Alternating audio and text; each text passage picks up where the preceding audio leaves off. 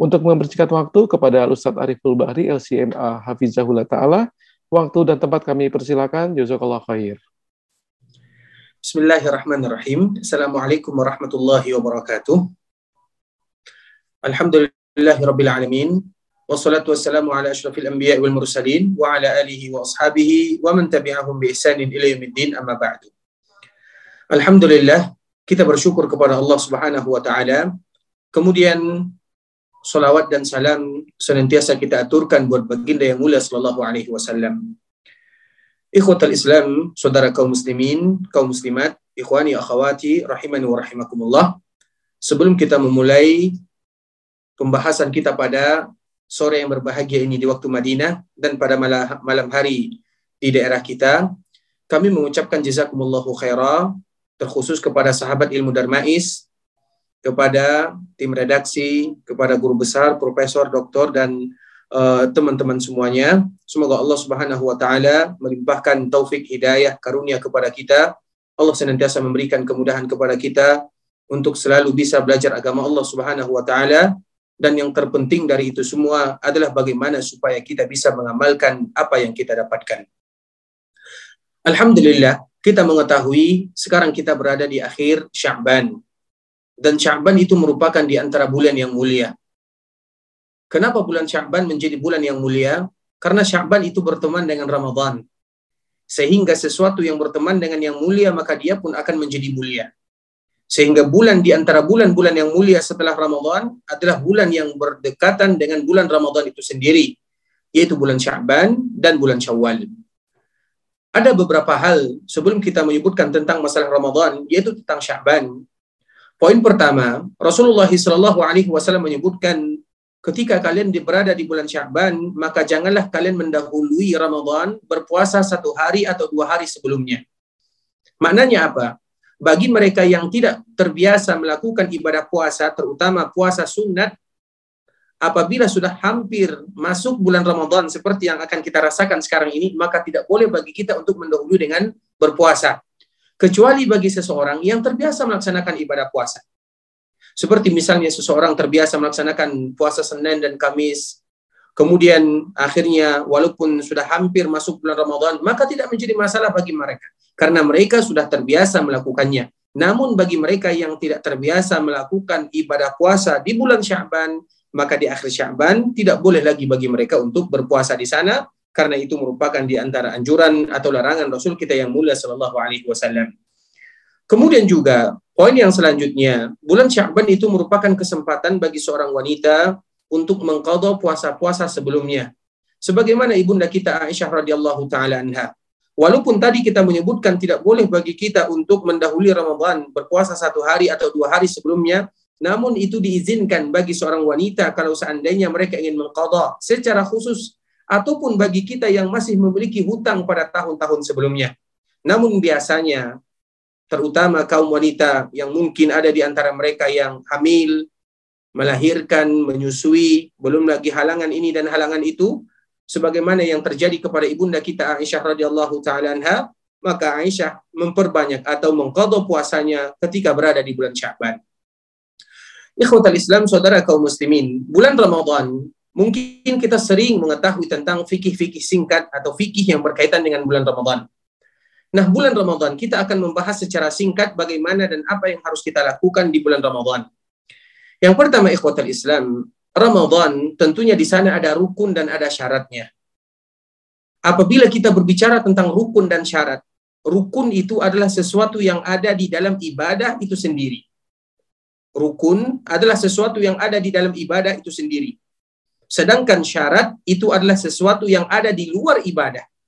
Makanya apabila kita berbicara tentang rukun ibadah, berarti yang ada di dalam ibadah itu sendiri. Apabila kita berbicara tentang syarat, berarti sesuatu yang ada di luar ibadah. Makanya ibadah saja, ibadah apa saja, pasti ada rukunnya. Ibadah sholat ada rukunnya. Ibadah puasa juga ada rukunnya. Sebagaimana juga ibadah tersebut ada syaratnya. Ibadah salat ada syaratnya. Sebagaimana juga ibadah puasa ada syaratnya. Tentunya kita mengetahui apa rukun dan apa syarat ibadah puasa tersebut. Rukun ibadah puasa sesuatu yang ada di dalam ibadah puasa itu sendiri. Yaitu seperti niat, kemudian kita menahan diri, kemudian kapan kita nanti mulai berbuka, kapan nanti kita mulai menahan diri, itu semua disebut dengan niat atau itu semua disebut dengan rukun. Kemudian syarat adalah sesuatu yang ada di luar ibadah itu sendiri. Seperti seorang muslim, kemudian seorang yang mukallaf, seorang yang berakal, itulah disebut dengan syarat-syarat ibadah. Kemudian ikhwatal Islam, di antara fikih yang disebutkan oleh Rasulullah Shallallahu Alaihi Wasallam kepada kita terutama bagaimana kita menentukan masuknya bulan Ramadan. Nah sekarang kita lihat sebelum kita menyebutkan tentang bagaimana cara menentukan masuknya bulan Ramadan, ada sebuah kisah yang terjadi kepada sahabat Abdullah bin Abbas radhiyallahu taala anhu dengan Muawiyah. Abdullah bin Abbas adalah sahabat Nabi dan dia adalah ulamanya sahabat Nabi yang mulia sallallahu alaihi wasallam. Muawiyah juga merupakan sahabat Nabi. Namun mereka berbeda tempatnya. Abdullah bin Abbas dulunya tinggal di kota Madinah bersama Nabi yang mulia. Kemudian dia pergi ke Mekah yang mana pada akhirnya dia tinggal di Taif, yaitu sebuah daerah yang tidak jauh dari kota Mekah. Sedangkan Muawiyah, dia adalah seorang pemimpin yang mana dia lama memimpin daerah Syam. 20 tahun dia menjadi gubernur di sana, 20 tahun dia menjadi pemimpin atau menjadi raja di sana. Berarti 40 tahun dia berada di Syam. Kemudian ikhwatan Islam, dikala Abdullah bin Abbas radhiyallahu taala anhu pergi ke sebuah daerah Syam ini, maka di daerah Syam pada saat itu kita contohkan mereka sudah berpuasa pada hari Sabtu. Orang-orang yang ada di Syam, mereka sudah berpuasa pada hari Sabtu. Sedangkan orang-orang yang ada di Mekah, mereka berpuasa di hari Ahad. Maka ada orang yang bertanya kepada sahabat Abdullah bin Abbas, "Wahai Abdullah, tidakkah kita cukup dengan mengikuti puasanya Muawiyah atau hari yang telah ditetapkan oleh Muawiyah yang ada di Syam sana ketika mereka berpuasa pada hari Sabtu?" Maka apa kata Abdullah bin Abbas? Tidak. Karena Nabi Shallallahu Alaihi Wasallam mengajarkan kepada kita dan ini merupakan sunnah Nabi Shallallahu Alaihi Wasallam bahwa setiap daerah itu mereka memiliki matla. Setiap daerah itu mereka memiliki tempat untuk melihat hilal. Dan apabila terjadi perbedaan antara satu daerah dengan daerah yang lain, maka tidak menjadi masalah. Sehingga ketika Muawiyah dengan orang-orang yang ada di Syam, mereka berpuasa di hari Sabtu. Itu sunnah Nabi yang mulia. Ketika orang-orang Mekah mereka berpuasa pada hari Ahad, itu sunnah Nabi yang mulia Shallallahu Alaihi Wasallam. Sehingga ketika terjadi perbedaan yang negara ini berpuasanya pada hari ini, negara itu berpuasanya pada hari itu, maka tidak menjadi masalah. Nah, kewajiban kita di mana kita berdomisili, di sanalah kita melihat dan mengikuti aturan atau matlak yang ada di daerah tersebut. Karena yang menjadi standar itu adalah ru'yah, ru'yatul hilal, matlak. Dan setiap daerah memiliki matlak yang berbeda-beda. Nah, bisa kita kiaskan dan kita bisa contohkan, terutama di zaman sekarang. Misalnya sekarang kita lihat, terjadi perbedaan. Apakah puasa terjadi pada hari Sabtu atau hari Ahad? Dan itu dikembalikan ke mana? Dikembalikan kepada daerah masing-masing. Misalnya di daerah Arab Saudi, mereka berpuasa di hari Ahad misalnya. Sedangkan di hari di daerah kita mereka berpuasa di hari Sabtu misalnya, itu tidak menjadi masalah. Itu dikembalikan kepada daerah atau dikembalikan kepada negara masing-masing dan tidak menjadi masalah ketika mereka memiliki perbedaan itu antara satu daerah, satu tempat dengan tempat yang lainnya. Dan itu merupakan sunnah Nabi yang mulia. Kemudian sekarang apabila menentukan, nah kita sekarang misalnya berada di suatu daerah, bagaimana pula cara kita menentukan? Rasulullah Shallallahu Alaihi Wasallam menyebutkan, sumu liru'yatihi. Hendaklah kalian berpuasa ketika kalian melihat. Tentunya kalian di sini adalah pemerintah. Karena tentunya urusan kita dijaga dan alhamdulillah semoga Allah senantiasa menjaga kita, menjaga keluarga kita, menjaga negara kita, menjaga pemimpin kita. Mereka sudah memiliki tim khusus ketika mereka ingin memantau dan melihat di mana ru'yahnya. Nah, kita sebagai warga negara tentunya mengikuti apa yang disebutkan oleh pemerintah karena Nabi sendiri yang menyebutkan sumu li ru'yatihi wa aftiru li ru'yatihi. Hendaklah kalian berpuasa ketika melihatnya dan hendaklah kalian berbuka maknanya berhari raya juga ketika kalian melihatnya.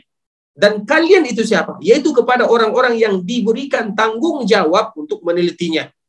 Nah, sekarang di daerah kita, siapa yang diberikan tanggung jawab? Tentunya Menteri Agama.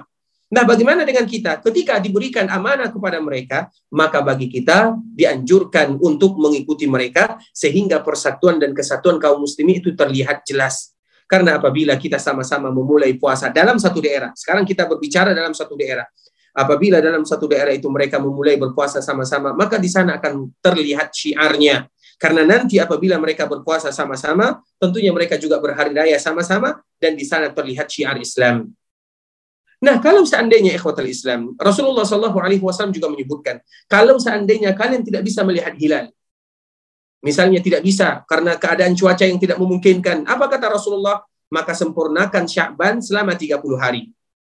Kalau seandainya kita tidak bisa, mendung, atau hujan, atau hal-hal yang lain yang tidak mungkin bagi kita untuk melihatnya, maka sempurnakan Sya'ban jelas hadis Rasulullah SAW Alaihi Wasallam dan memang standarnya adalah dengan ru'yah yaitu dengan melihat. Karena memang ibadah yang dilakukan oleh seorang Muslim Rasulullah SAW Alaihi Wasallam memberikan kepada ru'yah. Bahkan ibadah sholat kita lihat apa standar ibadah sholat yaitu melihat matahari. Ibadah kita sahur ibadah kita berbuka apa standarnya? Standarnya adalah melihat. Jadi memang apabila kalau seandainya kita kembalikan kepada standar yang diajarkan oleh Nabi yang mulia, maka itu akan menjadi mudah. Dan bahkan sampai sekarang kita bisa menerapkan yang demikian. Apa makna yang bisa kita ambil dari sana? Kita contohkan.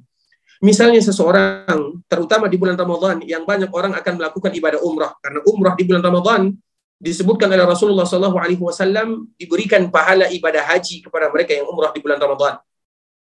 Kita lihat banyak saudara kita yang ingin umrah di bulan Ramadan. Kemudian dikala mereka umrah di bulan Ramadan, maka mereka tentunya mereka naik naik pesawat. Dan kita mengetahui perbedaan jam antara negara dengan negara yang lainnya. Kita contohkan negara kita yang tercinta Indonesia. Perbedaan jamnya adalah 4 jam. Apabila ada orang yang naik pesawat, kemudian sampai di sini, jamnya berbeda. Kemudian ketika mereka berada di pesawat, apa yang harus mereka lakukan? Apa standarnya? Apakah daerah jam mereka memakai jam atau memakai daerah jam dari daerahnya atau mereka memakai standar jam daerah yang akan mereka tuju. Bagaimana solusinya? Solusinya kita kembalikan kepada yang disebutkan oleh Rasulullah Shallallahu Alaihi Wasallam, yaitu ru'yah, yaitu melihat matahari. Apabila kita melihat matahari, terlepas dari jam, waktu, tempat kita berada di sana, atau jam, waktu, tempat, daerah yang kita akan menuju ke sana, maka standarnya kita kembalikan kepada Rasul kita Shallallahu Alaihi Wasallam, yaitu ru'yah, yaitu melihat bulan atau melihat matahari. Dan itu merupakan di antara kemudahan yang diberikan oleh agama kepada kita bersama. Kemudian apabila kita mengetahui bahwa standar kita tersebut adalah rupiah, kalau seandainya ada sebahagian kaum muslimin, mereka memiliki pandangan yang berbeda, apa pun sikap kita. Oleh karenanya ikhwatul Islam, kalau seandainya diberikan wewenang oleh negara, maka itu alhamdulillah. Namun kalau seandainya negara tidak memberikan wewenang, seperti misalnya negara hanya memberikan wewenang kepada menteri agama yang bertanggung jawab di sana, sehingga terjadi persatuan sesama kaum muslimin atau ketika kita berpuasa apabila ada sebahagian yang melihat sedangkan pemerintah belum melihat maka boleh bagi mereka untuk berpuasa. Tapi ingat jangan disebarkan. Misalnya kita contohkan negara kita melihat hilal atau hari Sabtu ada orang yang sudah melihat hilal. Tapi negara mengatakan hari Sabtu tersebut belum bisa melihat hilal. Nah orang yang melihat hilal ini boleh bagi dia untuk berpuasa namun tidak boleh bagi dia untuk menyebarkan kepada orang lain. Kenapa? Supaya kita tetap bisa menjaga persatuan dan kesatuan. Dan itu merupakan hikmah yang sangat besar yang disebutkan di dalam agama. Kemudian ikhwatal Islam, ini masalah menentukan masuknya, kapan masuknya bulan Ramadan. Kemudian di bulan Ramadan itu sendiri, yaitu tentunya kita berusaha untuk menjauhi hal-hal yang bisa membatalkan ibadah puasa, dan yang terpenting lagi adalah hal-hal yang membuat kita sia-sia di dalam ibadah puasa tersebut. Kita contohkan hadis Rasulullah SAW bahwa sesungguhnya hakikat dari puasa itu adalah seseorang yang menahan diri mereka dari hal-hal yang bisa melalaikan. Kita semua tahu menahan dari lapar dan haus. Insya Allah semua kita diberikan kemudahan oleh Allah. Namun apakah banyak di antara kita yang bisa menahan diri dari hal-hal yang melalaikan? Apa pun yang hal-hal yang melalaikan, apakah kita bisa berpuasa dari hal itu? Misalnya apa yang membuat kita lalai? Sesuatu yang akan membuat waktu kita habis tanpa ada makna di sana. Itulah disebut dengan hal-hal yang bisa melalaikan kita. Karena momen Ramadan itu adalah momen di mana kita beribadah. Momen Ramadan adalah momen Al-Quran. Momen Ramadan adalah momen di mana kita berlomba-lomba untuk melakukan ketaatan kepada Allah Subhanahu wa taala. Sehingga puasa yang sebenarnya selain kita berpuasa menahan diri dari lapar dan haus, mulai dari terbit, fajar sampai terbenam matahari, di sana juga ada puasa dari hal-hal yang akan melalaikan kita. Apa pun yang membuat kita lalai, maka di sana kita berusaha untuk berpuasa karena itulah hakikat Ramadan yang sesungguhnya.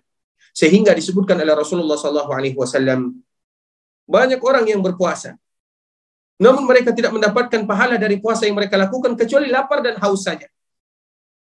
Banyak di antara mereka yang berpuasa tidak mendapatkan pahala dari puasa tersebut kecuali lapar dan haus saja. Maknanya apa? Karena mungkin banyak hal-hal yang melalaikan yang mereka lakukan. Bisa jadi mereka melakukan hal-hal yang melalaikan, apa pun hal-hal yang membuat mereka lalai. Lalai dengan misalnya nonton televisi, lalai misalnya dengan melakukan permainan-permainan yang akan membuat kita lalai. Intinya kita, tentunya kita berusaha karena kita sudah diberikan kemudahan oleh Allah Subhanahu wa taala. Kita berusaha semaksimal mungkin bagaimana memanfaatkan dan manfaat momen yang terindah adalah dengan Al-Qur'an. Sehingga kami senantiasa memberikan motivasi kepada diri kami pribadi dan juga kita bersama bagaimana kita berusaha menghidupkan Ramadan dengan Al-Qur'an. Al-Qur'an itu jangan bisa atau jangan membuat kita tertinggal dengan Al-Qur'an minimal satu juz satu hari sehingga kita bisa mengkhatamkan Al-Quran itu minimal dan kitalah atau dengan itulah kita bisa terhindar dari hal-hal yang akan buat membuat kita terjauh dari hal-hal yang tidak diridai oleh Allah Subhanahu wa taala. Kemudian poin yang selanjutnya ikhwatal Islam di antara hal-hal yang dianjurkan bagi kita adalah mengakhirkan sahur kemudian mempercepat ibadah berbuka. Di antara hal-hal yang harus kita lakukan adalah memperlambat sahur dan mempercepat buka. Maknanya apa? Sahur itu misalnya 20 menit sebelum masuknya waktu, di sana kita makan. Karena memang keberkahan ada di sana kata Rasulullah Shallallahu alaihi wasallam. Sebagaimana juga kita dianjurkan cepat berbuka apabila betul-betul kita yakin waktu masuk itu sudah masuk, waktu maghrib sudah masuk, di sana kita berbuka walaupun dengan seteguk air. Kemudian ikhwatal Islam juga di antara hal-hal yang bisa kita sebutkan ketika kita berpuasa adalah ibadah salatut tarawih. Di sini ada poin penting yang harus kita sampaikan. Bagaimana kita untuk menyikapi masalah sholat tarawih. Sebenarnya bagaimanapun ikhwatul Islam, sholat tarawih disebut dengan sholat tarawih itu adalah diambil dari kata-kata rawaha, yaitu bagaimana kita beristirahat di sana, santai. Sehingga Nabi Shallallahu Alaihi Wasallam ketika melaksanakan sholat tarawih mereka santai. Kemudian ketika sholat tarawih Rasulullah Shallallahu Alaihi Wasallam hanya tiga hari atau tiga malam atau empat malam saja sholat bersama para sahabatnya. Kemudian Nabi sholat di rumahnya. Nah dari sini dapat kita ambil kesimpulan. Apabila ada sebagian kaum muslimin, mereka sholat tarawih di masjid, itu Alhamdulillah. Sehingga membuat masjid ramai, membuat mereka semakin khusyuk. Namun apabila mereka sholat di rumah, juga tidak menjadi masalah. Jadi yang ini boleh, yang itu juga boleh. Karena Nabi SAW melakukannya. Kemudian juga ikhwatal Islam, ketika kita melihat sholat tarawih, maka di sana terjadi perbedaan. Sebelum kita melihat perbedaan ini, kita ingin mengetahui kenapa sih mereka berbeda. Kita lihat Rasulullah Shallallahu Alaihi Wasallam sebagaimana hadis ibunda kita Aisyah radhiyallahu taala anha, Nabi salat empat rakaat, kemudian istirahat, kemudian empat lagi, kemudian istirahat, kemudian salat Rasulullah Shallallahu Alaihi Wasallam dengan salatul witir atau salat witir. Nah, empat maksud di sini karena memang ada hadis Rasulullah Shallallahu Alaihi Wasallam di dalam riwayat yang lain Salatul laili masna masna. Salat malam itu dua rakaat dua rakaat. Jadi makna daripada hadis yang disebutkan oleh ibunda kita Aisyah empat ini maknanya Rasulullah salat dua rakaat, kemudian tidak ada jedah di sana, langsung salat dua rakaat, kemudian ada jedah yang sangat panjang di sana. Jadi jeda Rasulullah Shallallahu Alaihi Wasallam setelah empat rakaat, kemudian disambung lagi dengan empat rakaat. Kemudian ikhwatal Islam juga poin penting. Dulu terjadi perbedaan sholat tarawih antara penduduk Madinah dengan penduduk Mekah. Kenapa terjadi perbedaan di sana? Karena orang-orang Mekah ketika ada istirahat di sana, mereka memanfaatkan dengan tawaf. Dan tawaf itu adalah ganti daripada sholat sunat. Kita mengetahui apabila ada orang yang umroh, kemudian mereka masuk ke kota Mekah, mereka ingin tawaf, maka tidak masalah lagi kalau seandainya mereka tidak melakukan sholat tahiyat. Tapi kalau seandainya mereka tidak tawaf, maka dianjurkan bagi mereka untuk sholat tahiyat. Maknanya apa? Tawaf itu sendiri adalah bagian daripada ibadah sholat. Sehingga penduduk Mekah memanfaatkan hal ini ketika mereka sholat terawih. Kemudian ada jedah yang panjang di sana. Mereka tawaf. Nah orang-orang Madinah Mereka tidak bisa tawaf. Bagaimana mereka tawaf? Karena mereka tinggal di Madinah. Sehingga ketika mereka tinggal di Madinah, dan supaya tidak kalah, coba bayangkan, mereka berlomba-lomba dalam ibadah. Orang Makkah mendapatkan keutamaan tawaf yang itu sama dengan salat. Sedangkan orang Madinah, mereka tidak mendapatkannya. Apa yang terjadi? Akhirnya mereka menjumlah rokaat, menambah jumlah rokaat. Sehingga dalam masalah rokaat, tidak menjadi masalah. Ada di antara sebagian kaum muslimin, salat 8 rokaat, tidak menjadi masalah. Ada mereka yang ingin menambah 20, juga tidak menjadi masalah. Ada di antara mereka yang ingin menambah 40, tidak menjadi masalah. Kalau 100 pun tidak menjadi masalah. Tapi yang menjadi problem di sana, yang harus kita ketahui, imamnya. Dan ini merupakan fikih yang ada di dalam sholat itu sendiri. Misalnya, kita berkeyakinan yang kita yakini sholat tarawih itu adalah 8 rakaat saja. Kalau seandainya kita sholat bersama imam yang tetap melakukan atau yang melakukan sholat tarawih 8 rakaat, maka kita mengikutinya. Nah sekarang kalau seandainya kita mengikuti imam yang mana imam tersebut sholat 20 rakaat, apa yang harus kita lakukan? Di sinilah terletak fikih di dalam masalah memahami konsep yaitu sholat tarawih. Apa kata Rasulullah SAW? Barang siapa yang selesai melakukan sholat tersebut bersama imamnya, maka dia ditulis sebagai seseorang yang melakukan sholat malam penuh. Maknanya apa? Terlepas kita dari perbedaan tersebut, mau 8, mau 20, mau 40, bahkan mau 100, yang terpenting adalah bagaimana kita mengikuti imam. Misalnya kita menganggap bahwa sholat terawih itu 8 rakaat. Tetapi suatu ketika kita sholat bersama imam yang 20 rakaat. Apa yang bagus pada saat itu ketika kita lakukan? Ikut bersama imam selesai pada saat itu. Kenapa? Supaya kita tetap mendapatkan keutamaan yang disebutkan oleh Rasulullah Sallallahu Alaihi Wasallam. Oleh karenanya ikhwatul Islam ini merupakan di antara poin-poin singkat saja masalah-masalah yang terpenting yang biasanya kita hadapi di dalam bulan Ramadan. Dan tentunya harapan kita bersama adalah bagaimana Allah Subhanahu wa taala memberikan kemudahan dan nasihat kepada kami pribadi dan juga kita bersama terutama di bulan Ramadan. Kalau seandainya Allah memberikan kepada kita kelebihan kelebihan harta, kelapangan, maka kita manfaatkan Ramadan ini betul-betul untuk beribadah terutama kita sebagai laki-laki, sebagai suami, maka kita berusaha semaksimal mungkin untuk mengistirahatkan istri kita misalnya. Kalau seandainya mereka istirahat, agar mereka tidak disibukkan dengan masak ini, masak itu, manfaatkan untuk beribadah. Alhamdulillah mudah bagi Allah kita untuk membeli di sana, membeli di sini. Banyak orang yang berbagi-bagi. Sehingga kenapa? Sehingga kita bisa lebih memokuskan atau fokus diri kita ini untuk melakukan ibadah-ibadah. Karena kita tidak tahu Ramadan datang dan Ramadan pergi. Ramadan datang, Ramadan pergi. Sedangkan kita kita tidak tahu kapan lagi kita akan bisa berjumpa dengan Ramadan. Sehingga bagi kita yang diberikan kelapangan rezeki oleh Allah Subhanahu wa taala, maka kita menyibukkan diri kita dengan hal-hal membaca Al-Qur'an, berzikir kepada Allah, melakukan hal-hal yang bermanfaat atau kalau seandainya kita juga mentraktir saudara-saudara kita mereka yang yang mungkin uh, tidak sebagaimana seperti diri kita karena dengan demikian itu adalah di antara bentuk rasa syukur kita kepada Allah yang poin yang kami anjurkan yang pertama adalah kita tidak disibukkan dengan masak-memasak karena itu akan mengambil waktu terutama untuk istri-istri kita. Kita manfaatkan itu adalah untuk beribadah. Kita sama-sama berlomba. Alangkah indahnya suami dan istri mereka sama-sama berlomba untuk menamatkan Al-Qur'an. Sang suami tidak mau kalah dengan istrinya. Sang istri juga tidak mau kalah dengan suaminya. Di malam hari mereka tadarus sama-sama indahnya Ramadan kalau seandainya kita lewati bersama keluarga dalam rangka beribadah kepada Allah Subhanahu wa taala. Sehingga kalau seandainya Allah memberikan kelapangan kepada kita, kita sama-sama mengistirahatkan diri kita betul-betul fokus beribadah kepada Allah Subhanahu wa taala karena bulan Ramadan adalah bulan di mana Allah berbagi-bagi pahala dan tentunya kita ingin menerima hadiah dari Allah Subhanahu wa taala. Semoga Allah Subhanahu wa taala menjaga kita bersama. Allah senantiasa memberikan taufik dan hidayah. Barakallahu fikum wa jazakumullahu khairan.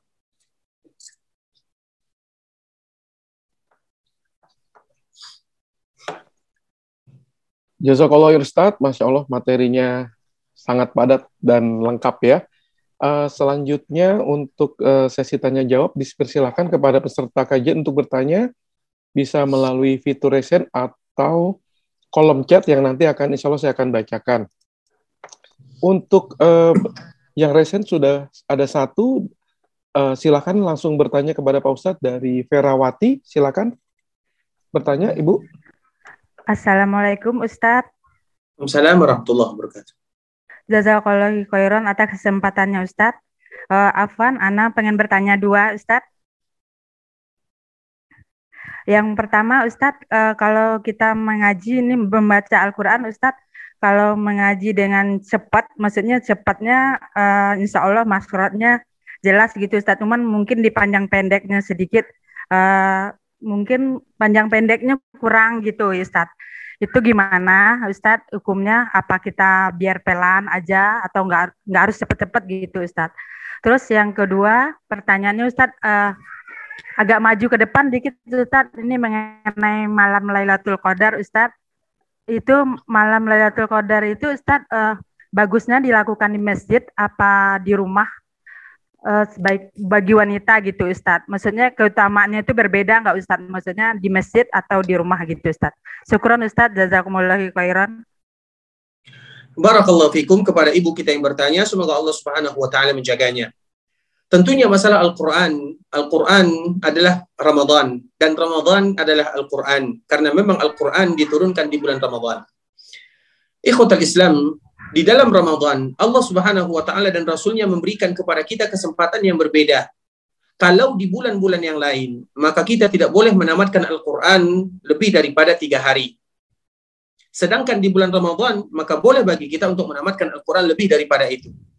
Nah, apa maknanya? Berarti ketika kita lebih menamatkan Al-Quran lebih daripada apa yang disebutkan Rasulullah SAW, berarti cara membacanya pun berbeda.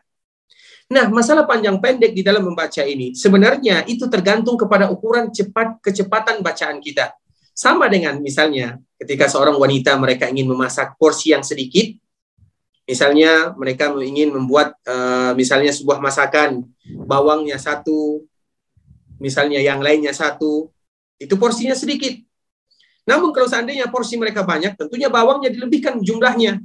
Nah begitu juga dengan Al-Quran. Ketika kita membaca pelan, maka panjang pendeknya pun mengikuti bacaan kita tersebut. Kita contohkan. Alhamdulillahi Rabbil Alamin. Itu kalau seandainya bacaan kita santai dan sesuai dengan tajwidnya. Namun kalau seandainya bacaan kita cepat, terutama di bulan Ramadan, karena kita ingin betul-betul menghabiskan waktu kita atau ingin menamatkan Al-Quran, dan betul-betul diizinkan bagi kita untuk melakukannya. Alhamdulillah, Rabbil Alamin. Itu pas bacaannya, sesuai dengan panjang pendeknya. Jadi ukurannya adalah durasi bacaan kita itu sendiri. Durasi bacaan kita itu sendiri, dan tentunya tajwidnya harus juga kita perhatikan. Panjang pendeknya itu sesuai dengan bacaannya. Jadi semakin kencang bacaan kita, semakin cepat, maka juga panjang pendeknya pun semakin singkat sesuai dengan ukurannya dan itu semua diperbolehkan.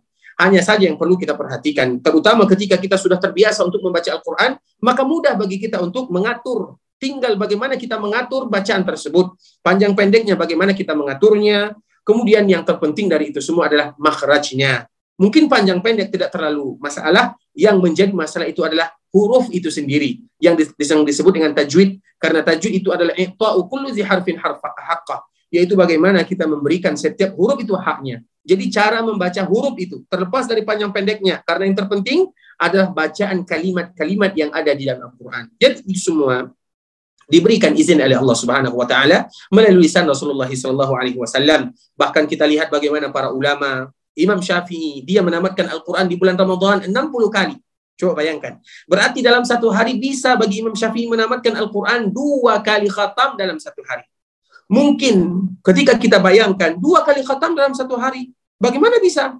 Ternyata bisa ikotal Islam. Makanya kami sering menyebutkan, kami mengenal ada salah seorang anak yang umurnya sekarang mungkin 14 atau 15 tahun. Seorang anak yang buta berasal dari kota Madinah. Dan kami pernah, dan kami tahu di mana rumahnya, di mana dia tinggal. Dia sering bermain di Masjid Nabawi. Dia adalah seorang yang hafal Quran, hafal hadis Rasulullah Shallallahu Alaihi Wasallam. Dia bisa mencontohkan sebagaimana yang dilakukan oleh Imam Syafi'i rahimahullah taala. Mungkin sulit bagi kita untuk membayangkan bagaimana mengkhatamkan Al-Quran dalam satu hari dua kali. Allahu Akbar. Nah, kalau seandainya bisa, bagaimana cara mereka membacanya? Karena semakin bisa kita membacanya, semakin lancar bagi kita untuk membaca Al-Quran, semakin mudah bagi kita untuk membacanya. Makanya kita lihat Imam atau Asman bin Affan radhiyallahu taala anhu ketika dia salat bagaimana dia membaca Al-Quran menamatkan Al-Quran dalam satu malam tentunya dengan hafalan. Terutama bagi mereka yang ada hafalannya sedikit-sedikit, semakin kencang bacaannya dan semakin mudah bagi mereka untuk membacanya. Itu poin yang pertama. Poin yang kedua atau pertanyaan yang kedua yaitu malam Lailatul Qadar. Malam Lailatul Qadar itu merupakan hadiah dari Allah Subhanahu wa taala kepada kita bersama. Ibadah apa saja yang dilakukan seorang hamba baik ketika mereka berada di rumah ataupun ketika mereka berada di masjid, ibadah apa saja yang mereka lakukan ketika Allah memberikan taufik kepada mereka untuk menemukan Lailatul Qadar, maka di sanalah Allah akan memberikan pahala khairum min alfi syahr. Misalnya seorang ibu-ibu, seorang wanita yang mungkin dia berada dan lebih banyak di rumah berdoa kepada Allah dan kebetulan malam itu merupakan malam Lailatul Qadar. Allah berikan pahala yang luar biasa ketika dia berdoa di sana. Ada seorang laki-laki misalnya dia tidak pergi ke masjid pada malam itu, namun dia membaca Al-Qur'an di rumahnya, Allah berikan pahala. Ada lagi seorang laki-laki yang dia tidak sholat bersama kaum muslimin, tapi dia di masjid, dia duduk di sana membaca Al-Quran. Allah berikan. Jadi ibadah apa saja yang kita lakukan, di mana saja kita melakukan ibadah tersebut, apabila itu merupakan malam qadar atau malam Lailatul Qadar, maka di sanalah Allah akan memberikan pahala yang luar biasa. Sehingga kita dianjurkan untuk menghidupkan malam-malam terakhir Ramadan, malamnya kita hidupkan beribadah kepada Allah Subhanahu wa taala dan semoga Allah memberikan kesempatan kepada kita untuk menghidupkannya. Barakallahu fikum. Jasa kalau Ustadz, semoga jawaban Pak Ustadz bisa memberikan pemahaman yang lebih dalam kepada Ibu Ferawati. Selanjutnya, untuk pertanyaan yang bisa dilakukan secara langsung, saya persilakan kepada Ibu Siti Suhaya. Silakan bertanya langsung kepada Pak Ustadz.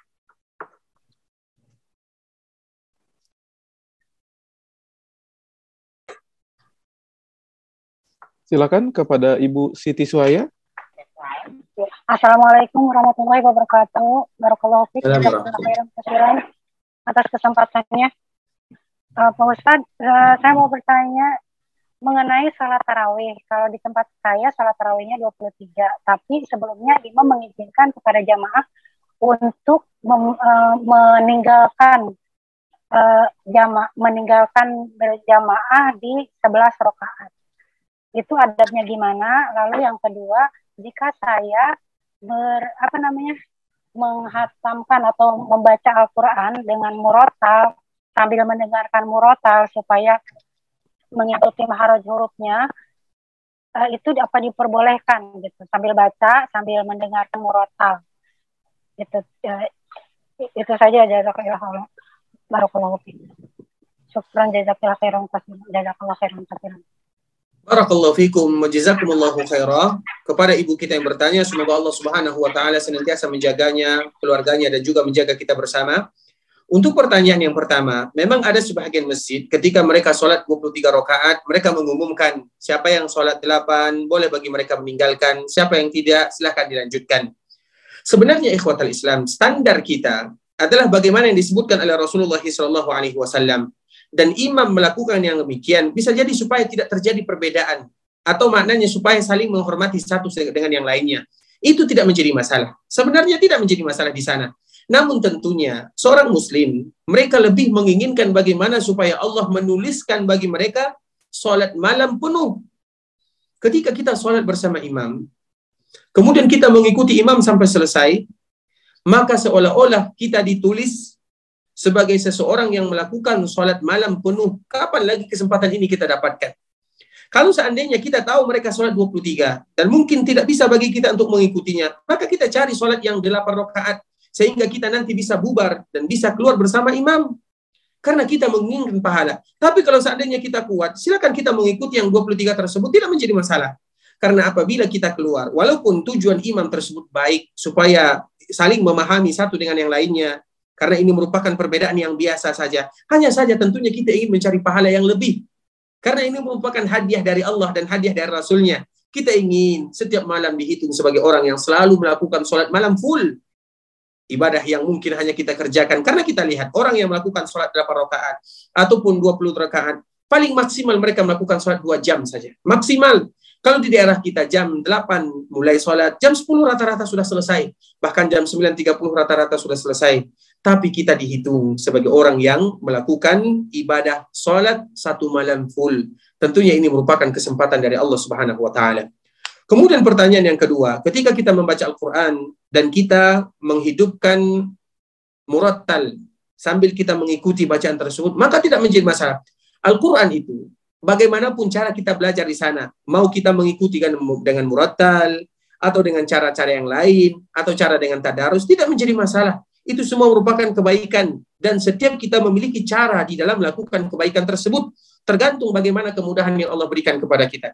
Ada orang yang mungkin karena dia sibuk atau ada orang yang mungkin dia lebih lebih uh, fokus ketika belajar dengan ayat dengan murattal itu lebih bagus baginya. Yang terpenting dari itu semua, bagaimana kita menghabiskan dan memanfaatkan waktu kita untuk dengan dengan Al-Quran itu sendiri. Itu yang terpenting ketika kita membaca Al-Quran. Baik dengan murattal, kita mengikuti melalui radio, kita mengikuti melalui kaset, atau melalui televisi misalnya kita belajar di sana ataupun dengan tadarus ada teman kita kita yang membaca mereka mendengarkan mereka yang membaca kita yang mendengarkan tidak menjadi masalah intinya hidupkan Ramadan dengan Al-Qur'an dengan berbagai macam cara maka itu boleh kita melakukannya barakallahu Ya, yang berikutnya sudah mulai banyak uh, pertanyaan dari kolom chat. Uh, saya bacakan dulu uh, dari yang pertama dari Umu Anugrah. Uh, Assalamualaikum, Bismillah, Assalamualaikum warahmatullahi wabarakatuh. Pak Ustadz izin bertanya, yang pertama, apa hukum mengkodok hutang puasa di tahun-tahun sebelumnya di saat belum tahu ilmunya? Dan bagaimana kiat membayar hutang puasa yang bertumpuk tersebut? Lalu yang kedua, mana yang lebih afdol kita lakukan sedekah dan memberikan buka puasa Ramadan itu ke panti asuhan dan ponpes ataukah bersedekah ke tetangga dulu? Uh, ada tiga nih, uh, apa dua dulu Pak Ustadz? Uh, boleh, boleh, boleh. Uh, yang ketiga, uh, apa keutamaan ibadah umroh di akhir Ramadan dibandingkan waktu lainnya? Jazakallah khair. Barakallahu fikum kepada uh, Ummu Anugrah. Semoga Allah Subhanahu wa taala menjaganya. Untuk pertanyaan yang pertama, masalah qada, tentunya bagi kita diwajibkan untuk mengqada puasa yang pernah kita tinggalkan karena puasa ini merupakan rukun Islam rukun Islam yang tidak boleh bagi kita untuk meninggalkannya dengan sengaja. Kalau seandainya pernah bagi kita meninggalkan, melalaikan, maka wajib bagi kita mengqadha. Nah, di dalam masalah mengqadha ini, terutama bagi seorang wanita, apabila masih bisa bagi mereka untuk mengqadha, maka mereka mengqadha. Apabila masih bisa bagi mereka untuk mengqadha, maka mereka mengqadha. Coba kalau seandainya kita berandai-andai saja. Kalau seandainya seorang wanita bisa mengqadha puasa yang pernah dia tinggalkan dia berpuasa. Tapi sudah berapa hari dia mengkodok puasanya selama satu tahun? Yaitu 52 hari. Itu kalau satu hari. Coba kalau seandainya seorang wanita mereka merutinkan puasa Senin dan Kamis. Sambil mereka berniat puasa Senin dan Kamis, sambil mereka berniat untuk mengkodok. Mengkodok dulu niatnya, kemudian Senin dan Kamis mereka akan mendapatkan pahala secara otomatis.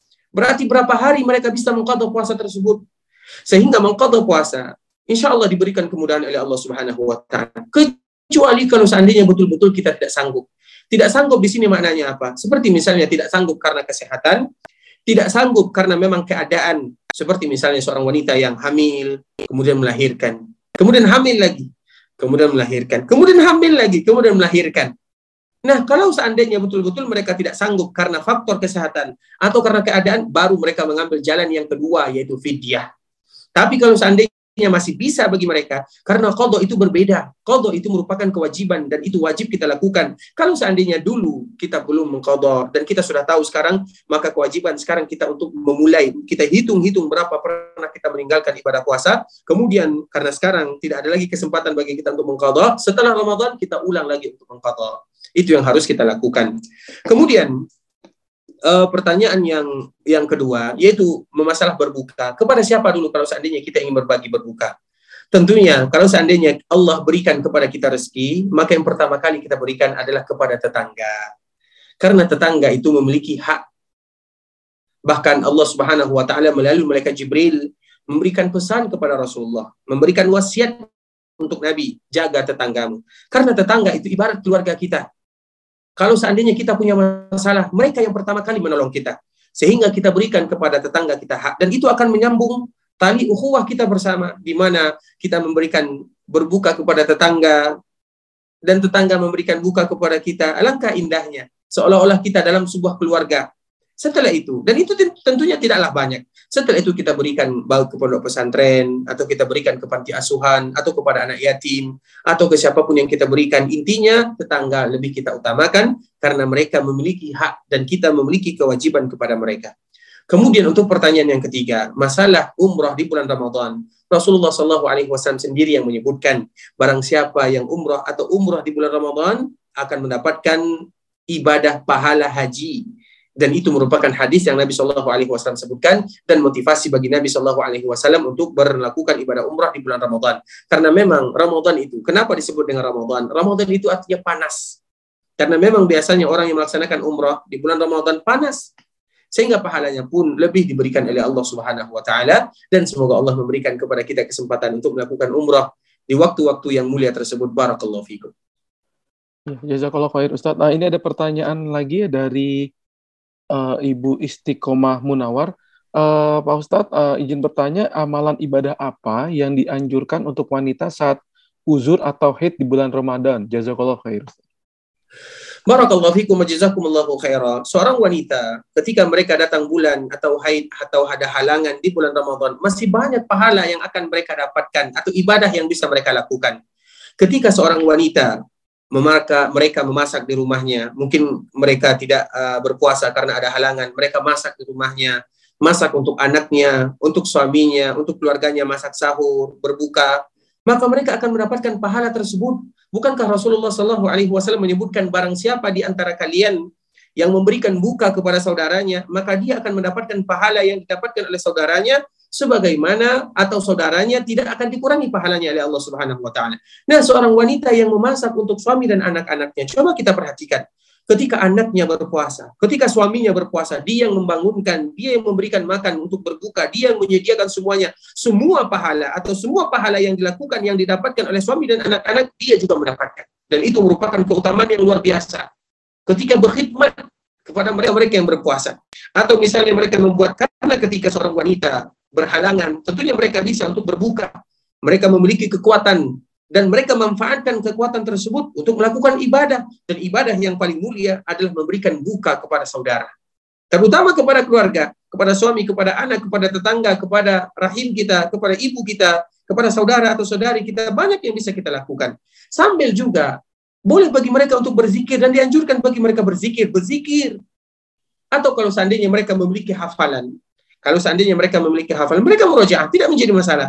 Mereka murojaah juz 30, sambil mereka mungkin melakukan aktivitas mereka murojaah. Banyak lagi hal-hal yang bisa mereka lakukan di kota Islam karena halangan atau haid tidaklah menghalangi seseorang untuk tidak beribadah kepada Allah. Bahkan kalau seandainya mereka haid di akhir-akhir Ramadan yang mana di sana ada kemungkinan untuk mendapatkan malam Lailatul Qadar tidak menjadi masalah bagi mereka untuk selalu beribadah di sana. Dan Allah Subhanahu wa taala tidak pernah mensyaratkan beribadah tersebut dalam keadaan suci terutama seorang wanita. Tidak demikian.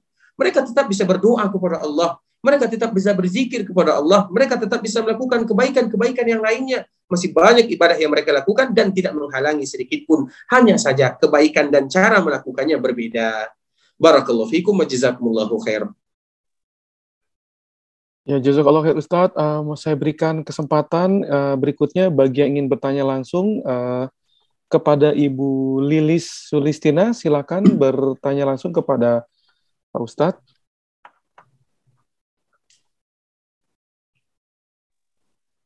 Uh, baik, Assalamualaikum warahmatullahi wabarakatuh. Izin bertanya Ustadz eh, manakah yang pertama manakah yang lebih afdol membaca Al-Qur'an menggunakan Android atau dengan mushaf? Yang kedua, sahkah salat kita jika bacaan imam terlalu eh, apa bacaannya terlalu cepat dan tidak tidak benar bacaannya? Itu aja mungkin yang Anda tanyakan. Jazakallahu khairan. Barakallahu fikum jazakumullahu. Semoga Allah Subhanahu wa taala menjaga ibu yang bertanya, menjaga keluarganya dan juga kita bersama membaca Al-Quran dengan mushaf itu sendiri memiliki keutamaan. Rasulullah Shallallahu Alaihi Wasallam yang menyebutkan demikian. Namun kalau seandainya kita tidak memiliki mushaf atau ada halangan bagi kita untuk menjaga atau memegang mushaf, maka boleh bagi kita untuk memakai aplikasi Al-Quran seperti Android dan yang semisalnya. Namun hukum asal dan itu merupakan yang paling utama yaitu memegang mushaf karena memegang mushaf itu ada keutamaan tersendiri sebagaimana yang disebutkan oleh Rasul kita yang mulia Shallallahu Alaihi Wasallam. Namun kalau seandainya tidak bisa karena keadaan atau faktor seperti misalnya seorang wanita yang ingin tetap membaca Al-Quran padahal mereka berhalangan, maka boleh bagi mereka membaca Al-Quran melalui Android tersebut atau melalui aplikasi. Mereka tetap bisa membaca Al-Quran, mereka tetap bisa melihat Al-Quran, namun mereka tidak menyentuh mushaf. Karena yang dilarang itu adalah mushaf. Sedangkan aplikasi-aplikasi ini tidak dilarang terutama bagi mereka-mereka yang berhalangan untuk menyentuh dan membacanya. Kemudian untuk pertanyaan yang kedua, kalau seandainya ada bacaan imam, masalah bacaan imam ini ikhwatul Islam, tentunya berat bagi kita untuk memfonis seseorang apakah bacaannya salah. Karena apabila kita mengatakan salah, Rasulullah Shallallahu Alaihi Wasallam atau ulama menyebutkan sebuah kaidah man sahat salatuhu salat sahat imamatuhu. Barang siapa yang sah dia menjadi imam berarti barang siapa yang sah dia salatnya barang siapa yang sah salatnya berarti salat berarti sah dia menjadi imam. Ini kaidah yang disebutkan oleh para ulama. Man sahat salatuhu sahat imamatuhu. Barang siapa yang salatnya sah berarti sah dia untuk menjadi imam. Maknanya apa? Kalau seandainya kita mengatakan bacaannya salah, kemudian salatnya salah itu adalah perkara-perkara yang berat terutama bacaan Al-Quran. Kecuali yang salah itu Al-Fatihah. Kecuali yang salah itu adalah rukunnya. Dan kita harus mengetahui apakah membaca Al-Quran itu wajib di dalam sholat? Tidak. Membaca Al-Quran setelah Al-Fatihah itu adalah sunnah. Makanya apabila ada orang yang sholat, kemudian mereka membaca Al-Fatihah, kemudian mereka langsung ruku, maka sholatnya sah. Bahkan kalau seandainya mereka tidak mengganti dengan sujud sahwi juga tidak menjadi masalah. Karena di dalam sholat itu ada wajib, ada rukun, ada wajib, ada sunnah dan membaca Al-Quran di dalam sholat itu hukumnya sunnah. Bukan berarti kita berlalai-lalai di sana atau meremehkan tidak, namun kita lihat dulu hukumnya apa. Sehingga mengetahui hukumnya. Kalau seandainya ada sebagian saudara kita yang cepat atau salah di dalam membacanya, kita tidak mengatakan sholat mereka tidak sah. Karena kalau kita mengatakan sholat mereka tidak sah, berarti makmumnya juga tidak sah sholatnya. Oleh karenanya, apabila itu adalah selain Al-Fatihah, maka tetap boleh bagi kita untuk mengikutinya kecuali betul-betul fatal. Fatal di sana apa maknanya? Karena kita lihat yang salah itu kadang-kadang apanya yang salah? Kadang barisnya, kadang tajwidnya. Ada kadang-kadang tajwid. Kalau tajwid masih diberikan kelonggaran oleh para ulama. Sedangkan apabila barisnya yang salah, bahkan kalimat-kalimat yang bisa merubah makna, maka di sana baru kita menyebutkan kesalahan yang fatal, terutama di dalam surat Al-Fatihah. Sehingga apabila kita mengetahui keedah seperti ini, bukan berarti kita memudah-mudahkan namun kita juga harus mengetahui bahwa mengatakan tidak sah sholat di sana itu perlu kehati-hatian. Namun kalau seandainya kita tidak senang dengan imam tersebut karena bisa jadi kita menilai banyak bacaan yang salah, banyak bacaan yang tidak tepat, ada kemungkinan-kemungkinan yang bisa kita lakukan. Yang pertama kita tegur, kita sebutkan misalnya melalui perantara, kita sebutkan bacaannya seperti ini, kesalahannya ini. Kalau seandainya kita tidak bisa, maka kita cari tempat yang lain sehingga kita lebih khusyuk di dalam melaksanakan ibadah sholat. Intinya, bagaimana kita mencari tempat sholat agar kita lebih khusyuk di dalam beribadah dan melakukan sholat tersebut. Barakallahu fikum. Ya, untuk uh, penanya berikutnya bisa saya persilakan kepada Ibu Diana untuk berlangsung bertanya langsung kepada Pak Ustadz. Silakan Ibu Diana.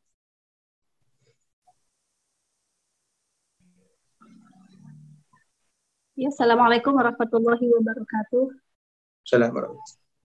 Assalamualaikum ilaihi wa hayakallah Ustaz. Apa Ustaz mau tanyakan tentang uh, ada uh, tidak mamp, apa maksudnya ketika saatnya mau bayar hutang puasa tapi masih ada yang tersisa sampai ketemu lagi bulan Ramadan selanjutnya. Apakah boleh membayar fidyah atau ditunda untuk membayar hutang puasanya itu di tahun depan berikutnya gitu Ustadz. Karena kelalaian sih sepertinya ya, ini pertanyaan dari teman gitu ya, karena masih muda gitu ya. Terus eh, yang kedua itu pertanyaan lebih utama lebih utama yang mana ketika bersedekah memberikan iftar pada buka puasa atau pada makan sahur? Seperti itu. Ustaz. Uh, syukran jazakallah khair. Barakallahu fikum. Barakallahu fikum wa jazakumullahu khairan. Semoga Allah Subhanahu wa taala menjaga uh, ibu kita yang bertanya. Allah Subhanahu wa taala memberikan taufik dan hidayah kepada kita bersama. Untuk pertanyaan yang pertama, apabila ada seseorang ketika mereka mengqadha ibadah puasa, mereka memiliki hutang di sana, namun karena kelalaian, akhirnya datang Ramadan yang kedua. Sedangkan puasa yang pertama belum lunas, apa yang harus mereka lakukan? Maka tentunya bertaubat memohon ampun kepada Allah Subhanahu wa taala karena qada itu adalah rukun. Karena membayar puasa, utang puasa itu adalah rukun, utang puasa Ramadan itu adalah rukun. Sehingga kalau seandainya seseorang karena kelalaian, maka mereka harus bertaubat kepada Allah, kemudian nanti mereka mengganti setelah bulan Ramadan yang berikutnya. Itu yang harus mereka lakukan tanpa harus membayar fidyah. Jadi tanpa harus membayar fidyah. Kemudian untuk pertanyaan yang kedua, mana yang lebih utama, memberikan makanan kepada orang yang berbuka atau kepada orang yang sahur? Kedua-duanya bagus. Kalau bisa kita melakukan kedua-duanya. Memberikan makan kepada orang yang berbuka, memberikan makan kepada orang sahur. Karena memberikan makan itu merupakan ibadah yang mulia. Kita melihat saudara-saudara kita ketika mereka makan, kemudian mereka melaksanakan ibadah kepada Allah. Kita yang hanya sekedar memberikan makan kepada mereka, kemudian mereka melakukan ibadah, kita pun akan dapat pahala yang mereka lakukan. Begitulah kemuliaannya. Namun kalau seandainya harus memilih, kalau seandainya kita harus memilih, maka tentunya sebagaimana yang disebutkan oleh Rasulullah SAW, yaitu ketika memberikan buka kepada orang yang berpuasa. Itulah yang lebih mulia. Barakallahu fikum wa jazakumullahu khair. Ya, khair Ustadz. Nah, ini sudah uh, cukup banyak nih pertanyaan di kolom chat. Uh, berikutnya dari Bapak Irfiansyah Lesmana ada izin bertanya Ustadz, uh, ada doa melihat hilal yang artinya Allah Maha Besar, ya Allah, tampakkanlah bulan sabit ini kepada kami dengan membawa keamanan dan keimanan, keselamatan dan Islam, serta mendamaikan taufik untuk menjalankan syariat yang engkau sukai dan ridhoi, Rob kami dan Robmu, bulan sabit adalah Allah. Uh, pertanyaannya, uh, Pak Ustadz, doa ini hanya bagi yang melihat hilal atau boleh dijadikan doa umum, umum saat memasuki bulan baru atau bulan Ramadan? Syukron atas jawabannya Pak Ustadz. Barakallahu fikum khairan. Semoga Allah Subhanahu wa taala menjaga Bapak kita yang bertanya. Tentunya doa yang diajarkan oleh Rasulullah Shallallahu alaihi wasallam tersebut adalah doa di mana kita melihat hilal setiap bulannya. Jadi setiap bulan itu kita melihat hilal karena setiap bulan hilal itu berbeda dengan yang lainnya. Sehingga setiap bulan apabila kita melihat hilal, orang yang melihat hilal apabila mereka melihat hilal, maka dianjurkan bagi mereka untuk membaca doa tersebut. Karena doa itu adalah doa di mana kita meminta keberkahan, keamanan dan keselamatan kepada Allah Subhanahu wa taala yaitu setiap kita melihat hilal. Nah, sedangkan bagi mereka yang tidak melihat hilal namun mereka mengetahui. Seperti misalnya kita tahu dengan kalender yang sudah ada, dengan kemudahan yang Allah berikan kepada kita, maka juga tidak menjadi masalah kita untuk membaca doa tersebut. Karena sekarang melihat hilal itu bisa dengan aplikasi. Maknanya apa? Ada orang yang melihat hilal secara langsung, ada orang yang bisa melihat hilal di HP-nya. Alhamdulillah Allah Subhanahu wa taala berikan kemudahan dan itu merupakan rahmat Allah yang maha luas sehingga boleh bagi kita untuk membacanya. Barakallahu fikum. Ya, pertanyaan berikutnya dari Ibu Nurliana. Uh, Bismillah, Assalamualaikum warahmatullahi wabarakatuh. Izin bertanya, Ustadz, uh, jika ada tukang yang bekerja di bulan Ramadan, kemudian mereka tidak puasa dengan alasan pekerjaan yang mereka lakukan adalah pekerjaan berat. Kemudian kami memberikan mereka air dan jajanan. Apakah tindakan ini berdosa, Ustadz? Uh, pertanyaan kemudian uh, yang berikutnya, apakah perempuan lebih baik sholat tarawih di rumah atau ke masjid? Mengingat saya selalu diminta sholat di rumah saja. Lalu ketika haid, bolehkah tetap ikut tahsin, Ustadz? Jazakallah khairan. Barakallahu fikum wa jazakumullahu khairan. Semoga Allah Subhanahu wa taala menjaga kita bersama. Untuk pertanyaan yang pertama kita ingat hadis Rasulullah atau firman Allah Subhanahu wa taala wa ta'awanu 'alal birri wat taqwa wa la ta'awanu 'alal ismi wal 'udwan. Hendaklah kalian saling tolong menolong dalam kebaikan, dalam ketakwaan, jangan tolong menolong dalam permusuhan dan perbuatan dosa.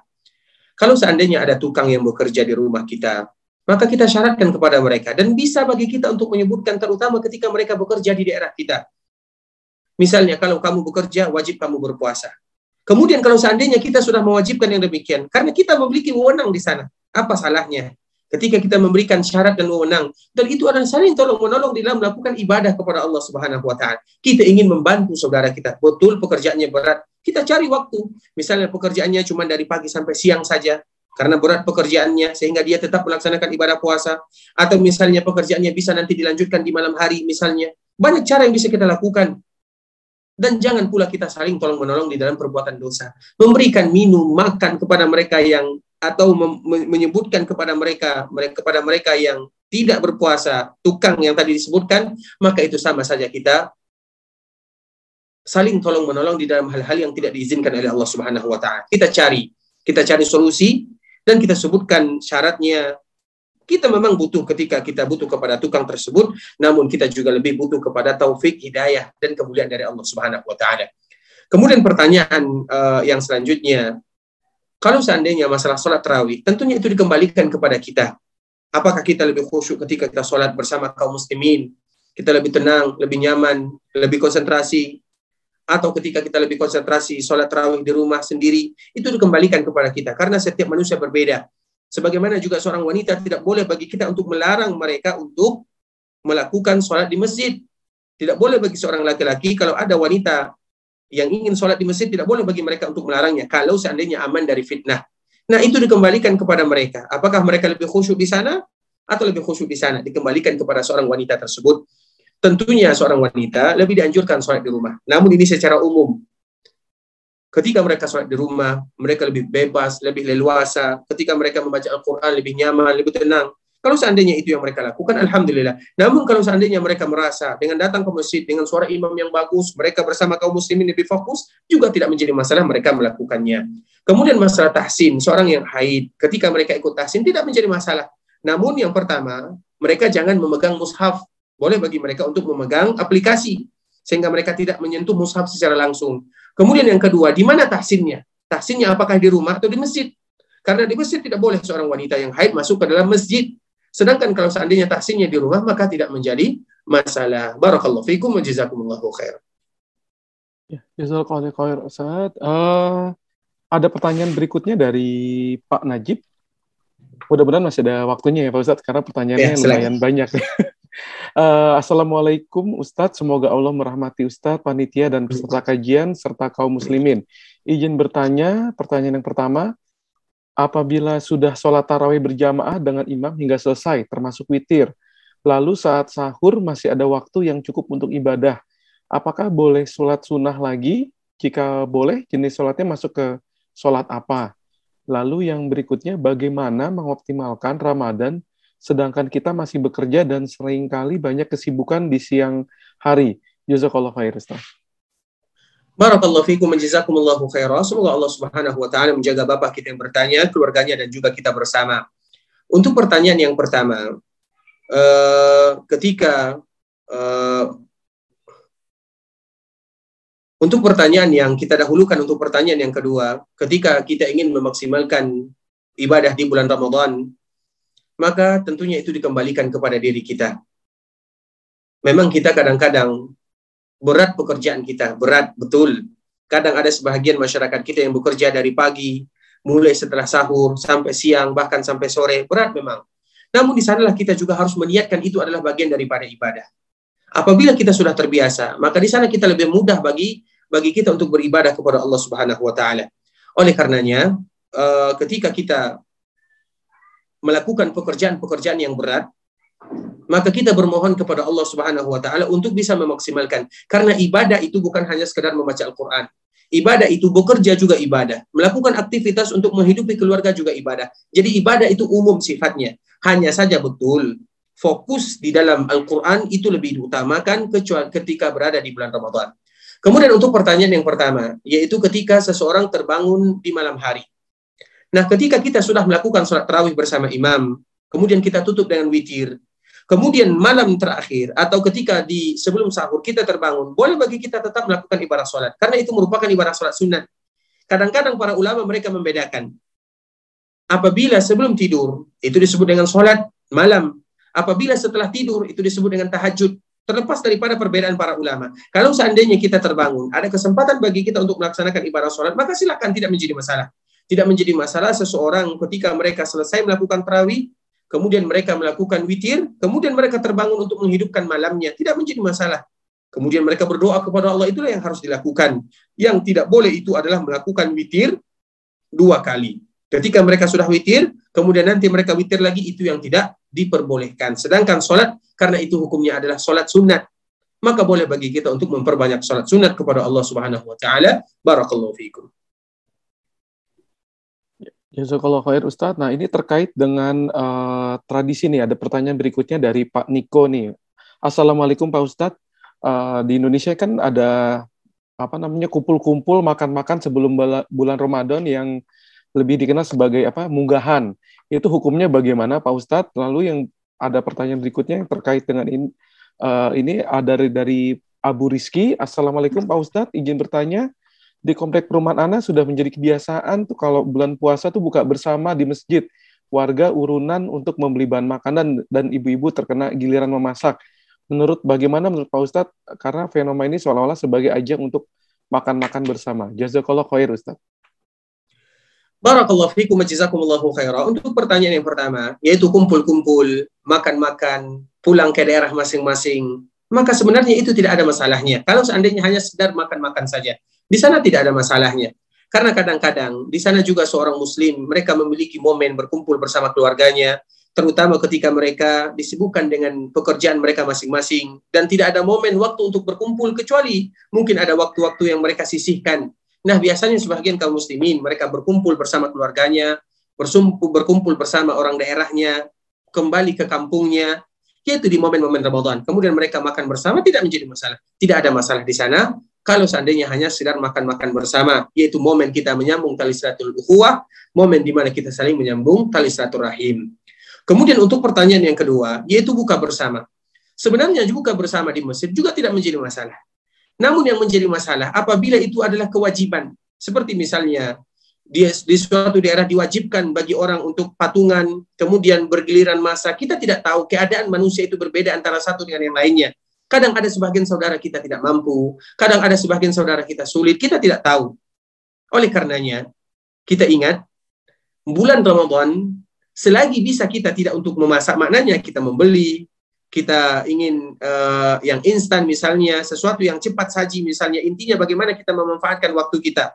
Kita mencari makanan yang sehat untuk waktu-waktu kita beribadah kepada Allah Subhanahu wa taala. Namun kalau seandainya hanya sekedar berbuka, kemudian ada orang yang memasak di masjid tersebut tidak menjadi masalah. Tidak ada masalah di sana.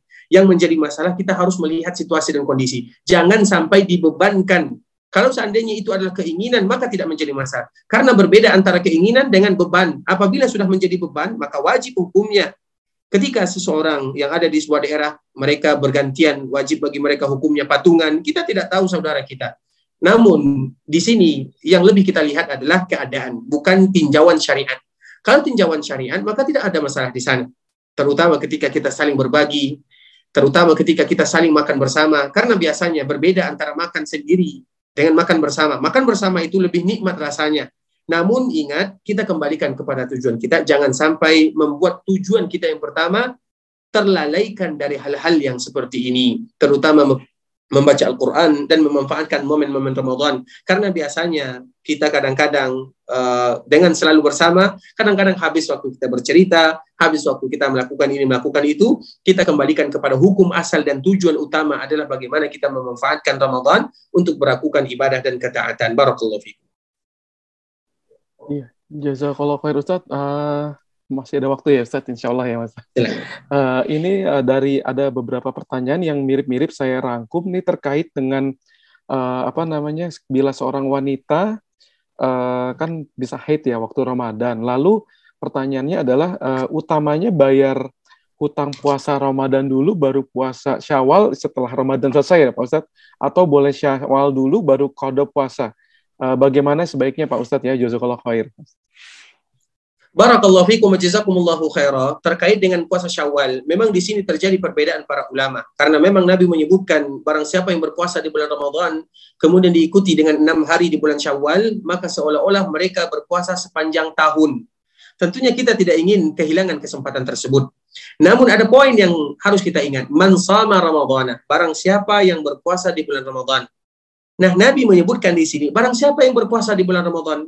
Nah, seorang wanita yang tidak berpuasa di bulan Ramadan karena ada halangan. Tentunya bagi mereka dianjurkan untuk menyempurnakan Ramadan terlebih dahulu. Karena Nabi memulai dengan kata itu. Mereka yang tidak berpuasa di bulan Ramadan karena ada halangan seperti wanita yang haid, maka mereka berpuasa dulu menggantinya Ramadan ini. Mereka ganti dulu.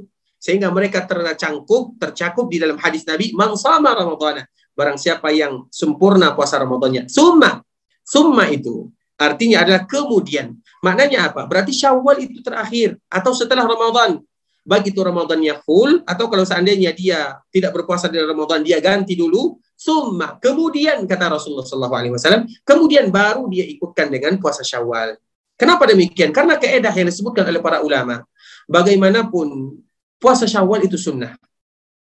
Ramadan itu adalah wajib apabila bertentangan antara wajib dengan sunnah, mana yang kita dahulukan? Yang wajib harus kita dahulukan. Karena kita tidak tahu keadaan kita selanjutnya, apakah nanti bisa kita melakukannya atau tidak. Jadi yang wajib dulu harus kita selesaikan, baru yang sunnah. Kecuali kalau seandainya seseorang merasa yakin, setelah dia berusaha, dia berusaha untuk mengganti puasa Ramadan. Kemudian ternyata tidak sempat, takut waktunya mepet, tidak tidak ada lagi waktunya maka boleh bagi mereka sebagian para ulama menyebutkan boleh bagi mereka untuk mengambil puasa Syawal ini kemudian nanti mereka langsung mengqadha puasa setelah Syawal. Namun kami pribadi tentunya lebih condong kepada yang pertama yaitu kita sempurnakan dulu puasa Ramadan karena biasanya seorang wanita haid lima hari enam hari atau tujuh hari satu minggu sehingga kesempatan bagi mereka untuk berpuasa sangatlah banyak sehingga yang wajib harus mereka dahulukan daripada yang sunnah kecuali kalau seandainya mereka yakin mereka langsung bisa melakukan di bulan Zulqa'dah mereka melakukan puasa tersebut karena waktu yang sudah mepet. Kalau seandainya mereka berpuasa, mereka tidak bisa melakukan apa-apa di bulan Syawal dan mereka ingin mengambil waktu Syawal ini, maka sebenarnya juga tidak menjadi masalah, tergantung keadaan kita masing-masing dan alhamdulillah di sini diberikan kepada seorang wanita tersebut kebebasan di sana. Mana yang lebih mudah bagi mereka silahkan mereka lakukan. Barakallahu fikum. Ya, khair. Uh, berikutnya saya persilakan kepada peserta kajian yang ingin bertanya langsung kepada Sukarda Arda. Silakan bertanya langsung kepada Pak Ustadz. Pak Sukarda Arda. Ya, terima kasih moderator. Uh, Assalamualaikum warahmatullahi wabarakatuh. Assalamualaikum. Uh, izin bertanya Ustadz, ya, mungkin uh, pertanyaan saya uh, di luar uh, konteks kajian yang Ustadz sampaikan pada malam hari ini. Ini terkait uh, pekerjaannya Ustadz. Uh, saya di, uh, bekerja di suatu perusahaan di mana perusahaan tersebut mempercayai saya se untuk melakukan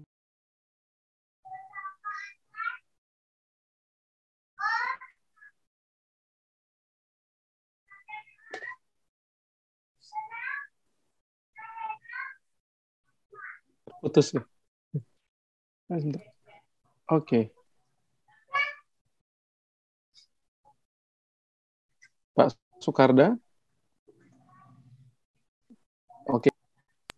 Kalau begitu saya lanjutkan pertanyaan berikutnya aja dari kolom chat. Ada sudah ada pertanyaan yang masuk. Uh, uh, dari Ibu Wara Hendrarti. Assalamualaikum warahmatullahi wabarakatuh, Pak Ustadz. Kalau kita khataman Al-Quran di masjid bergantian baca, apakah itu termasuk satu kali hataman bagi kita dan dapat pahala ukhuwah, atau lebih baik dilakukan sendiri di rumah mengatapkan Al-Qur'annya? Uh, Jazakallahu khair, Ustaz. Barakallahu fikum jazakumullahu khairan. Ini pertanyaannya tentunya adalah pertanyaan secara umum. Tidak ada kaitannya karena sesuai dengan pertanyaan tersebut tidak ada hubungannya dengan Ramadan, yaitu membaca Al-Qur'an. Membaca Al-Qur'an itu dengan tadarus. Tadarus itu artinya adalah dengan membaca sama-sama. Yang satu membaca, yang satu mendengarkan atau memperbaiki kalau seandainya ada kesalahan. Itu disebut dengan tadarus. Di sana juga ada pahala. Karena orang yang mendengarkan orang membaca Al-Quran sama dengan mereka membaca Al-Quran. Alhamdulillah di sana ada keutamaan. Sebagaimana juga seseorang ketika dia lebih fokus membaca sendiri, mereka ingin mengkhatamkan secara sendiri, itu juga lebih utama. Dan itu dikembalikan kepada semangat kita. Mana kita yang lebih semangat? Apakah kita lebih semangat bersama kawan-kawan kita, bersama saudara-saudara kita untuk mengkhatamkan Al-Quran? Terutama seorang wanita, misalnya mereka ingin termotivasi dengan teman-teman yang lain. Ketika mereka berkumpul di musola, di masjid, atau di surau, mereka membaca Al-Quran. Yang satu membaca, yang satu mendengarkan, memperbaiki, kemudian bergiliran. Tidak menjadi masalah. Karena mereka juga disebut dengan yang membaca Al-Quran. Terlepas daripada kalimat khataman karena kalimat tersebut akan membuat kita sempit. Intinya bagaimana kita beribadah dan memanfaatkan waktu tersebut. Apakah dikala kita sendirian atau dikala kita bersama, maka intinya bagaimana kita memanfaatkan waktu tersebut dengan Al-Quran. Barakallahu fikum wa jazakumullahu khair. Oke, baik berikutnya Pak Ustadz, uh, saya persilakan kepada peserta kajian Abu Muadz untuk bertanya langsung kepada Pak Ustadz. Silakan, Pak Abu Muadz. Ya. Jazakallahu khair. Assalamualaikum warahmatullahi wabarakatuh. Uh, Ustaz, uh, Anda mau nanya tentang uh, iktikaf ya. Apakah boleh dilaksanakan di musola gitu, uh, di mana tempat uh, sholatnya kan tidak digunakan untuk sholat Jumat gitu. Apakah uh, boleh dilaksanakan? Kemudian yang kedua,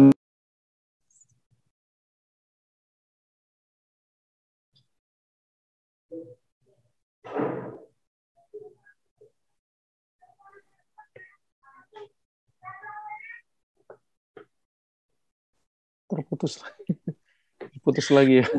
Mungkin kita jawab saja pertanyaan yang pertama dari Abu Mu'ad, yaitu masalah etikaf di musalla. Memang secara hukum, secara hukum asal dianjurkan bagi seseorang untuk berentikaf di mana dilaksanakan sholat Jumat di sana. Kenapa? Supaya nanti dia tidak keluar dan tidak keluar dari musalla tempat dia berentikaf tersebut. Karena tujuan daripada etikaf, bagaimana kita tidak keluar? Kalau seandainya kita sholat di musalla atau surau bahasa kitanya, kemudian di sana tidak ada sholat Jumatnya. Kalau kita sholat Jumat, maka kita harus keluar. Bukankah di antara syarat etikaf itu tidak boleh keluar dari rumah Allah Subhanahu wa taala? Sehingga kita berusaha semaksimal mungkin untuk mencari etikaf di masjid atau yang ada sholat Jumatnya di sana.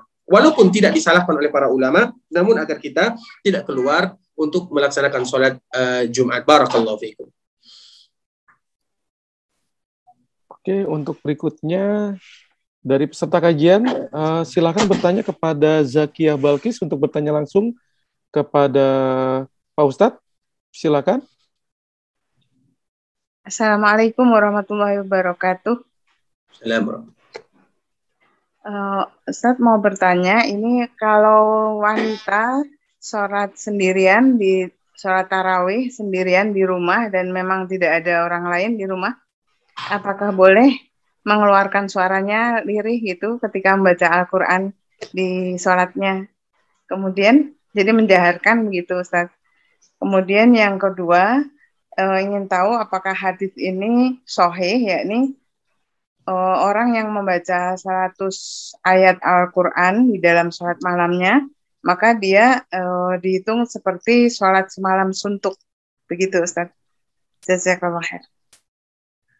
Barakallahu fiikum wa jazakumullahu khairan. Semoga Allah Subhanahu wa taala menjaga ibu kita, menjaga keluarganya dan menjaga kita bersama. Untuk pertanyaan yang pertama, tentunya apabila seorang wanita sholat di rumah kemudian mereka ingin menyaringkan suaranya, maka tidak menjadi masalah. Diberikan kepada mereka kebebasan. Intinya bagaimana supaya khusyuk itu datang kepada mereka. Baik mereka sirkan atau mereka jaharkan tidak menjadi masalah dan itulah seorang wanita diberikan kebaikan antara kebaikan oleh Allah Subhanahu wa taala baik mereka sirkan atau mereka jaharkan ketika mereka melakukan sholat tarawih di rumah. Sedangkan untuk pertanyaan yang kedua, wallahu taala alam, saya tidak mengetahuinya. Barakallahu fikum wa jazakumullahu khair. Ya, jazakallah khair Ustaz. Uh, mungkin pertanyaannya sudah dari pertanyaan yang dari peserta kaji sudah tidak ada. Uh, mungkin ada pertanyaan terakhir nih Pak Ustadz. Uh, dari ya,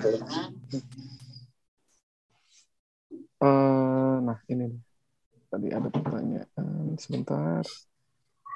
Dari Ibu Istik. Uh, sebentar.